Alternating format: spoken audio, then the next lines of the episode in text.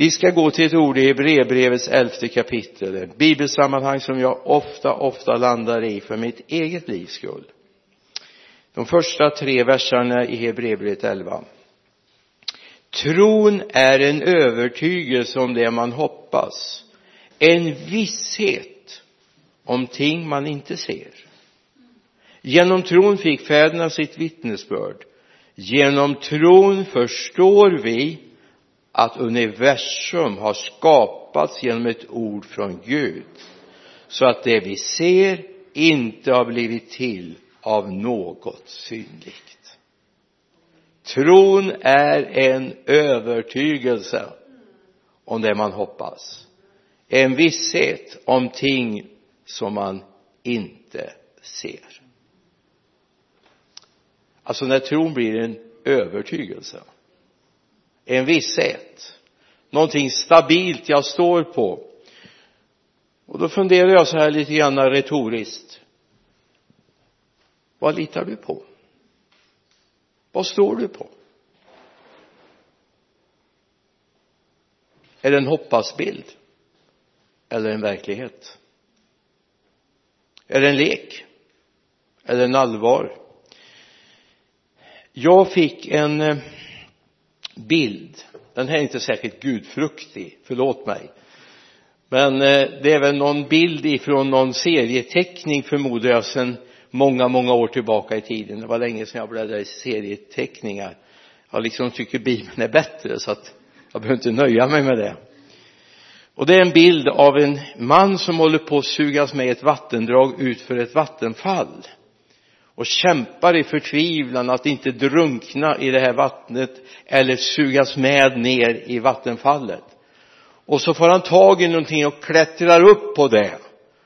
Och tänker nu står jag stabilt. Tills han ser ett huvud vänder sig upp och ser att det är en, en eh, flodhäst som han står på. Och jag tänker ibland kan det vara så med oss va? Att vi tycker vi har kravlat oss upp på någonting. Nu har vi verkligen hittat det. Och så upptäcker vi. Det var som en flodhäst. Där känner man sig inte speciellt trygg. Bilden på den där flodhästens ansikte när han vänder sig om ser väldigt lysten ut. Den där människan kan ju vara bra att mätta sig med vad står jag på? Så vi inte står på en tro som vi tror att vi har utan vi står på en visshet. Jag vet på vem jag tror säger Paulus. Och jag är viss om att ha möjlighet att rädda mig. Jag vet på vem jag tror. Och jag tror att det i den tid som vi lever nu är så oerhört viktigt att vi är vissa om om vi ska läsa bibelordet så har vi det i andra Timotebrevets första kapitel, vers 12, så du får det med dig. Det är därför jag får lida allt detta, säger han, men jag skäms inte. För jag vet vem jag tror på och jag är övertygad om att han har makt att fram till den dagen bevara det som har anförtrotts mig. Jag skäms inte för jag vet vem jag tror på. Och det bara känner jag så här wow vet vi det verkligen? Eller litar vi bara på vänner, bekanta, vittnesbörden? Eller vet jag om att jag själv har ställt mig på klippan Kristus? För det är det enda som inte kommer att skaka i den tid som kommer. Det är klippan Kristus han ställde mina fötter på klippan och han gjorde mina steg fasta säger psalm 40 och han la i min mun en ny sång, en lovsång till vår Gud. Och många ska se det och häpna och börja förtrösta på Herren. Varför då? Jo, därför jag vet på vem jag tror. Det är inte någon hoppaslek eller kanske-lek. Jag vet vem jag tror på och jag är viss om. Jag har fått trons vittnesbörd i mitt hjärta. Och vad är det? Jo det är anden här inne som hela tiden säger Abba fader. Abba fader. Tack pappa. Tack för att jag får vara din. Tack för att du älskar mig.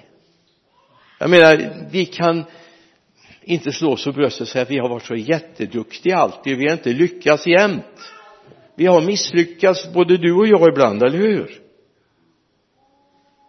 Men vi är Guds barn ändå. Därför han älskar oss. Och vi har ändå sagt Jesus okej, okay, vi är lite halvdana ibland. Och vi vill bättre än vad vi gör. Men vi vill vara dina barn. Vi vill höra dig till. Och det är det som är viktigt. Och då kommer vi frågan vad står du på? Vad står du på? Står du stadigt i din tro? Oavsett vad som händer det är inte så här att den som är frälst nu kanske jag kommer avslöja en, en besvärande hemlighet för dig. Men även vi som är frälsta kommer att drabbas av motgångar. Sjukdomar besvikelser. Människor som kommer att vända oss ryggen människor som inte vill ha någonting med oss att göra längre kanske de allra närmaste är beredda att säga nej till mig. Det kommer blåsa. Och då är det viktigt att veta en står kvar. Och det är Jesus. Han kommer inte svika mig. Han kommer inte lämna mig. Det finns människor som lämnar honom men han lämnar oss inte. Han tar aldrig initiativ till det utan vi har ställt oss på den grunden som är Jesus Kristus. Vi står på den grunden. Jag vet på vem jag tror och jag känner det. För Guds ord har liksom landat i mitt hjärta. Det finns ett bibelord som jag nej jag kan ta det här först. Tål ni en saga till? Ni vet Snövits styrmor har ni läst Snövit? Ja. Någon gång har ni läst det i barndomen. Hon hade ju en förtrogen vän vet ni en spegel som hon mötte. Och då säger hon så här spegel spegel på väggen där. Säg mig vem som vackrast i landet är. Men så länge spegeln svarar så här till drottningen. Du den vackraste i landet är. Så levde hon ju i den tron. Nu är det så här att idag så är det inte spegeln utan det är så här Facebook, Facebook i mobilen där. Säg mig vem som vackrast i landet är och så länge spegeln svarar eller liken, likesen kommer så tror vi att vi är de vackraste som finns och de duktigaste och bästa som finns. Men det här är en lögn. Det här är en lögn. Men där lever tusentals människor idag. Jag har mött det i mitt själavårdsarbete. Mött de här som har lagt ut sin nya profilbild och inte fått ett enda likes ibland kan det till och med vara komplotter. Man kommer överens om att den klasskompisen oavsett vad hon eller han lägger ut så ska vi inte lajka det. Det är det nya sättet att mobba på. Men du vet vi vänder oss till Jesus och så säger Jesus duger jag? Då säger han du duger för jag ser spegelbilden av mig i dig jag ser spegelbilden av mig i dig. Du duger. Det är för jag bor i ditt hjärta. Och det är det som räknas. Så vi behöver inte fråga oss varken till spegeln eller Facebook eller Instagram eller Snapchat. De kan vara bra. Men eh, det viktigaste det är att han har satt sitt sigill på mitt liv då är det inte utseende som räknas. Det är inte ens om jag är duktigast eller snällast i världen. Det önskar jag att man vore men det är vi ju inte alltid. Det finns alltid människor som tycker att vi är elaka. Har du mött dem? Jag möter dem lite nu och då. Och får man lära sig att älska dem ändå vet jag. därför de har blivit besvikna man inte har kunnat hjälpa dem som de ville och så vidare va? Och det är inte alltid som de har velat gå med Gud heller. Och då är det väldigt svårt att hjälpa människor. Det är jättesvårt. Ja, men man kan inte gå och hålla dem i sele hela livet. Utan någonstans måste de få sätta ner fötterna själva. Jesus har en lösning och den hittar vi i Johannes 7 och 24 det här är universallösningen för alla människor det säger han där den som hör dessa mina ord och handlar efter dem liknar alltså en klok man som byggde sitt hus på klippan. Vi kan ta med vers 25 regnet öste ner, floden kom och vindarna blåste och kastade sig mot huset. Men det föll inte för det var grundat på klippan. Sen kan vi ju fortsätta läsa från vers 26 men det behöver vi inte va? Ja Matteus förlåt. Ja det var Matteus ja. Matteus 7 förlåt mig. Matteus 7 och 24 och 25 den som hör det räcker alltså inte att höra Guds ord utan jag ska också handla efter Guds ord. Guds ord är inte liksom någon sån där valmöjlighet att ja men kan du inte dämpa kraven lite grann? Men den som hör och handlar han är som ett hus som är byggt på berget och då kan man tänka sig ja men bygger man rätt så får man inga prövningar. Men det är precis där det står att man får. Vinden kommer, regnet öser ner floden kommer och det kastar sig mot huset. Men det föll inte. För det var grundat på klippan. Och jag menar ibland är det så här vi, vi möter motgångar. Vi möter besvikelser och då är det då det är så viktigt att vi är väl grundade. Att vi står stadigt att jag kan säga även när det är motgång och människor tycker illa om mig jag får lite hat sms ibland och något mejl ibland. Och då får man knäppa händerna och så får man be om välsignelse över dem. Och bara tacka Gud för att jag står på klippan. Jag står på klippan. Sjukdomen kommer. Jag låg 82 på sjukhuset på Sundsvalls sjukhus och man visste inte om man skulle kunna rädda mina ögon. 14 dagar såg jag inte jag började lära mig punktskrift. Och då kom en läkare upp, hon som hade opererat mig för näthinneavlossning på det enda öga jag har och då visade det sig, jag visste ju inte det för jag var ju sövd när hon opererade så jag hade ju ingen kommunikation med henne. men dagen efter kom hon upp på sin lediga dag och så visade det sig att hon har varit EFS missionär i någonstans i Afrika. Och då bad hon för mig. Och då bad hon en bön. Alltså hon bad inte så här ja ge Bengt Arne världens bästa syn, hundra procent syn. Hon bad inte det. Så jag tänkte lite grann hon kanske kände på sig att hon hade misslyckats. Men hon bad inte det. Hon bad så här. Jesus ge Bengt Arne en dubbel arvslott av den himmelska synen. Att han får syn i sitt hjärta och välsigna honom när det gäller hans lekamliga ögon. Va där sitter hon på sin lediga dag innan hon ska gå på gudstjänst i EFS-kyrkan i Sundsvall. Hon hade opererat mig. Och så ber hon att jag ska få min syn på mina ögon i hjärtat. Och det tackar jag Gud för att jag har fått. Hon fick bönesvar, verkligen. Så även när det blåser motvind alltså jag hade kommit från en fantastisk mötesserie i Finland i Pormo hade jag varit veckan innan drabbas på kvällen när jag åker hem på söndagskvällen börjar se att jag, jag förstod inte de här som har målat linjerna på vägen från från Umeå ner till Husum där vi bodde strax utanför Örnsköldsvik. Vad var vilka klantskallar som varit ute och målat? Alla vita linjer gick i böjar så här. Så jag tänkte det, det här måste de ju få kritik för att de har slarvat så för det var ganska nymålade linjer, det var väldigt vita och fina linjer. Tills jag insåg när jag satte med våra husritningar vi skulle bygga hus nere i, i, i Vargön satt jag med ritningar på måndag morgon. Då anade jag det är något annat fel för även de linjerna var fel. Och så gjorde de här operationen. Men jag har fått behålla den andliga synen. Och den är jag glad för. Jättetacksam för det andra går faktiskt att lösa rätt så hyfsat med iPad och lite utav varje. Gud är underbar.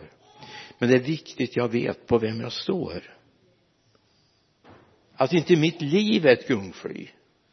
Att jag inte bygger mitt liv, min kristna tro på mina känslor. För jag menar det är bara att vi tittar på oss själva. Ibland är vi upp men vi är också down ibland inte du men jag är det. Ibland så känner jag mig oerhört frälst alltså. Jag skulle kunna vinna hela världen och lite till vet du, ut i universum och vinna och ha kampanjer. Men så kommer det dagar när man börjar fundera på om man kunna förmedla någonting i 50 år av tjänst. Och det är så gott när Gud viskar här inne du är mitt barn. Du behöver inte plåga dig jag tar hand om det här. Du är mitt barn. Och jag vet jag står stadigt i tron på Herren Jesus Kristus. Vi måste väl läsa psalm 40 jag citerade den förut verserna 3 och 4 han drog mig upp ur fördärvets grop ur den djupa dyn. Han ställde mina fötter på klippan och han gjorde mina steg fasta. Han la en ny sång i min mun en lovsång till vår Gud. Många ska se det och frukta och förtrösta på Herren. Han ställde mig på klippan och han gjorde nästa dags vandring stabil. För jag går på klippan. Jag vet på vem jag tror. Jag vet vem jag hör till. Jag vet i vems tjänst jag är. Jag vet vad hans mål är med mitt liv. Allt förstår jag inte, allt begriper jag inte. Men jag vet en sak och det lärde jag mig tidigt i tjänst. Ha öronen öppna och de andliga synen öppen. Alltså Gud är fantastisk. Jag skulle kunna berätta om hur Gud leder. Sådär praktiskt. När jag fick kallelsen till Vargön som föreståndare för församlingen där så fanns jag i en tjänst i Husum. Hade två församlingar. Och Gud hade tidigt sagt till mig att innan du slutar din tjänst så skulle du ha döpt och hälsat 21 medlemmar välkomna till församlingen. Och det var ganska trögt i början. Det var inte många som kom till tro. Och så en dag ringer man från från Vargön och frågar om jag vill komma och titta på tjänsten där i församlingen. Och jag bara sa nej. Det ska jag inte. Jag är inte färdig här än. Så går det några månader. Jag tror det var fattades tre på de här 21 som inte var döpta. Och så ringer de igen och undrar om jag kan komma ner och titta. Börjar närma sig sommaren och sa att ni ska kanske ha semester, ni kan ta vägen förbi och komma en tisdag kväll och jag sa nej igen. Så ringer de bara ett par dagar efteråt och sa vi hade haft bön här i äldstekåren och vi ger inte upp, vi frågar igen. Och då säger Gud alltså jag, jag bara hör mig själv säga ja vi kommer ner. Och så gjorde vi upp en tisdag vi kommer ner. Och precis när jag lägger på luren så säger mitt minne men det fattas ju fortfarande tre.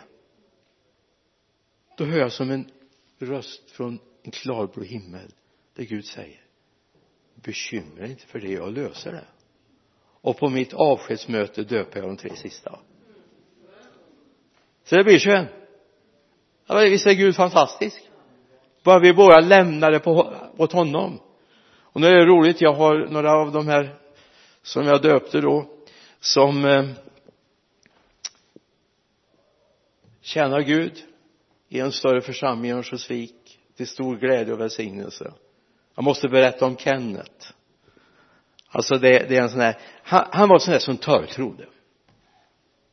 Ja men vad då? Det är klart Gud finns. Behöver man känna någonting? Gud finns. Och så skulle vi bygga om kyrkan vi skulle dra ny värmesystem och du vet det här att dra sådana här vattenradiatorer är inte det enklaste så på församlingsmötet när vi samtalar om det här om vi ska ta in offerter så kliver Kenneth fram. Vad kunde han vara i 20-årsåldern då? Lantbrukare, hade eget lant, lantgård med massa mjölkkor, hundra, hundra mjölkkor. Och så säger han så här, ja, sa han, jag tycker inte vi ska lägga ut det här på offert utan jag tar ansvar för det. Jag tar ansvar. Ja, alla kluppades för det som sa efteråt. Men har du gjort sånt någon gång förut? Nej men jag har en väldigt god Gud. Och han skötte det. Perfekt.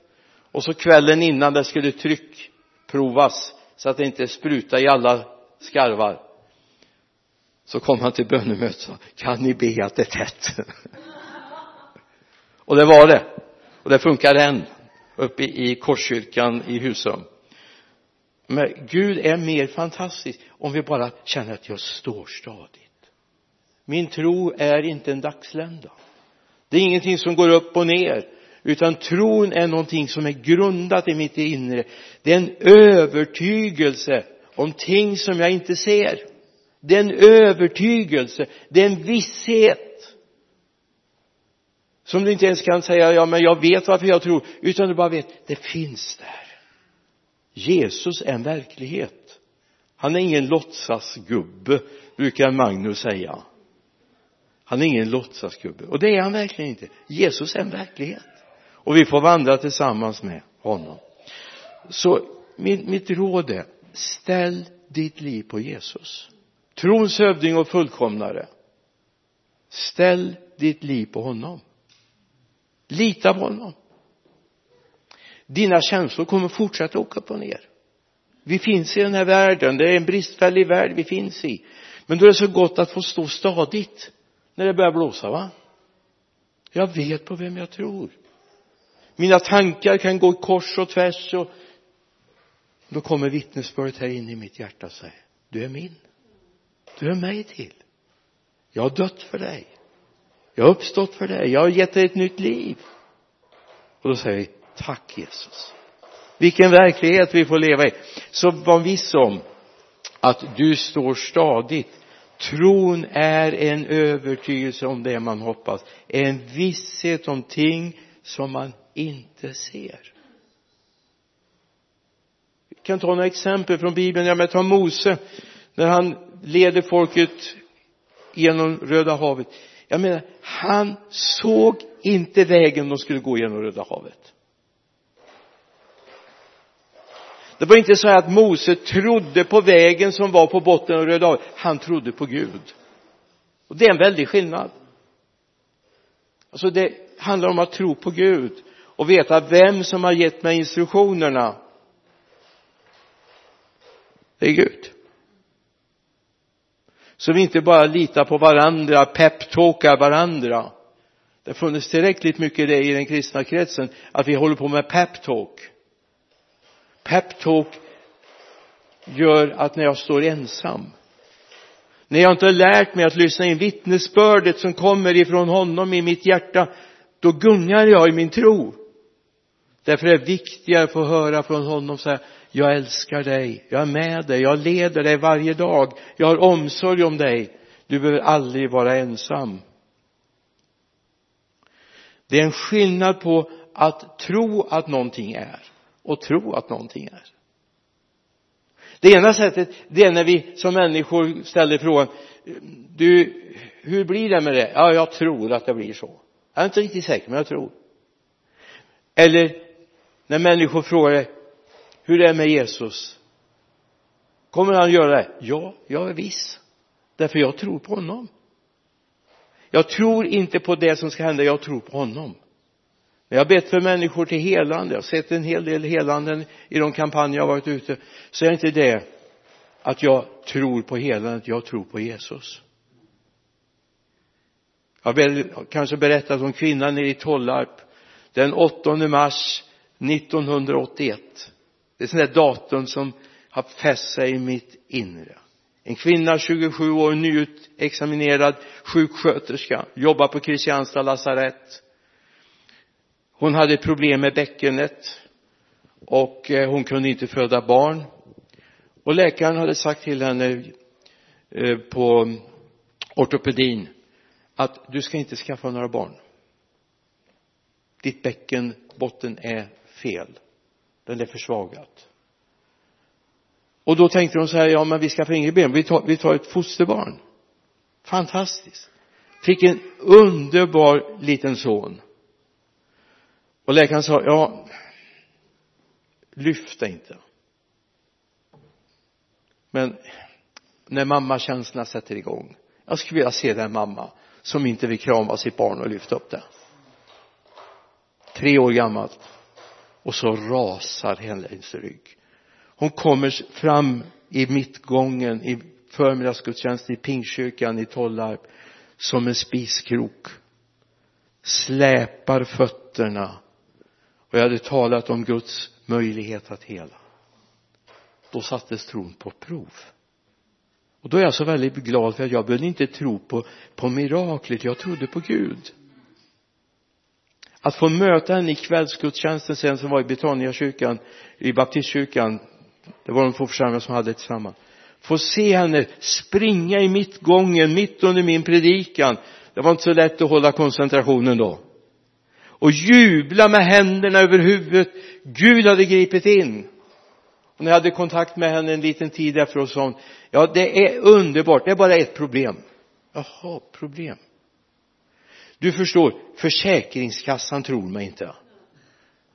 Jag vill bli friskskriven jag vill börja arbeta igen på Kristianstad sjukhus på den avdelning där jag har min tjänst. Men försäkringskassan går inte med på det men så småningom gjorde den så hon jobbade på försäkringskassan. Alltså Gud är så stor. Men det var inte det att Gud gav mig en extra tro för hennes hela. Gud bara fäste min blick på honom. För det var han som gjorde det. Det var varken jag eller pastorn i den församlingen, föreståndaren i församlingen som gjorde det, det var Gud. Och vi fick vara åsyna vittnen till det Gud gjorde. Och det är så gott att få vara det få samarbeta med honom. Vi tror på honom. Vår tillit är på honom. Så kom ihåg lyssna på honom. Gör det han ber dig göra. Lyssna på honom. Ta tid med honom alltså den svåraste delen den viktigaste delen men den svåraste delen i vårt böneliv det är vårt lyssnande. Vi är så fulla av bönämnen och vårt liv här i den här världen skapar mängder av behov av bön, eller hur? Vi ser behov överallt.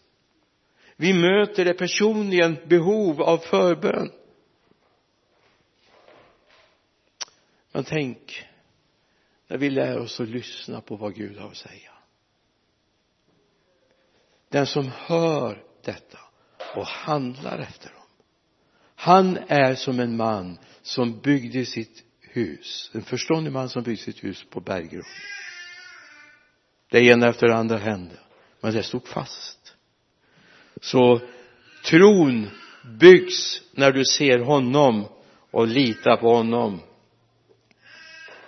I Johannes 7 och 38 när Jesus står där i templet och ropar på den största dagen i högtiden, den sista, den förnämsta dagen. Den som tror på mig, som skriften säger, ur hans innersta ska strömmar av levande vatten flyta fram. Det är inte att jag tror på strömmarna av levande vatten, jag tror på honom jag litar på honom då kommer jag se att det händer saker i mitt liv Paulus säger det här, jag ska inte trötta med fler bibelord är sprängfylld av det här. I andra Korinthierbrevet 1 och 9 där säger Paulus här. Ja inom oss hade vi redan fått dödsdomen för att vi inte skulle lita på oss själva utan på Gud som uppväcker de döda. För att vi skulle lita på Gud. Det är dit vi behöver komma. Vi behöver lita på honom. Precis som om du har en trapetskonstnär som behöver en säkerhetslina, behöver någon som håller i för säkerhet när man gör de där saltomortalerna va?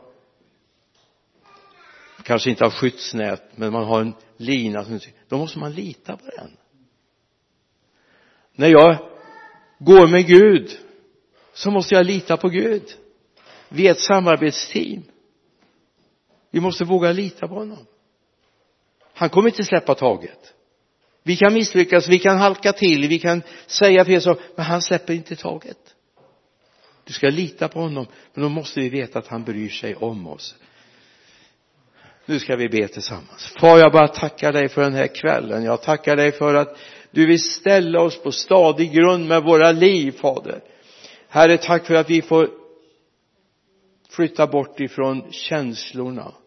Herre du vet de far upp och ner för oss. Och livet är tungt och svårt ibland och vi misslyckas och känner oss helt kass. Men herre vi ställer oss på dig istället. Du som har omsorg om oss du som älskar oss som en far älskar sina barn som en far som längtade efter till och med den bortsprungne sonen så längtar du efter oss. Jag prisar dig för den omsorgen. I Jesu namn. Amen.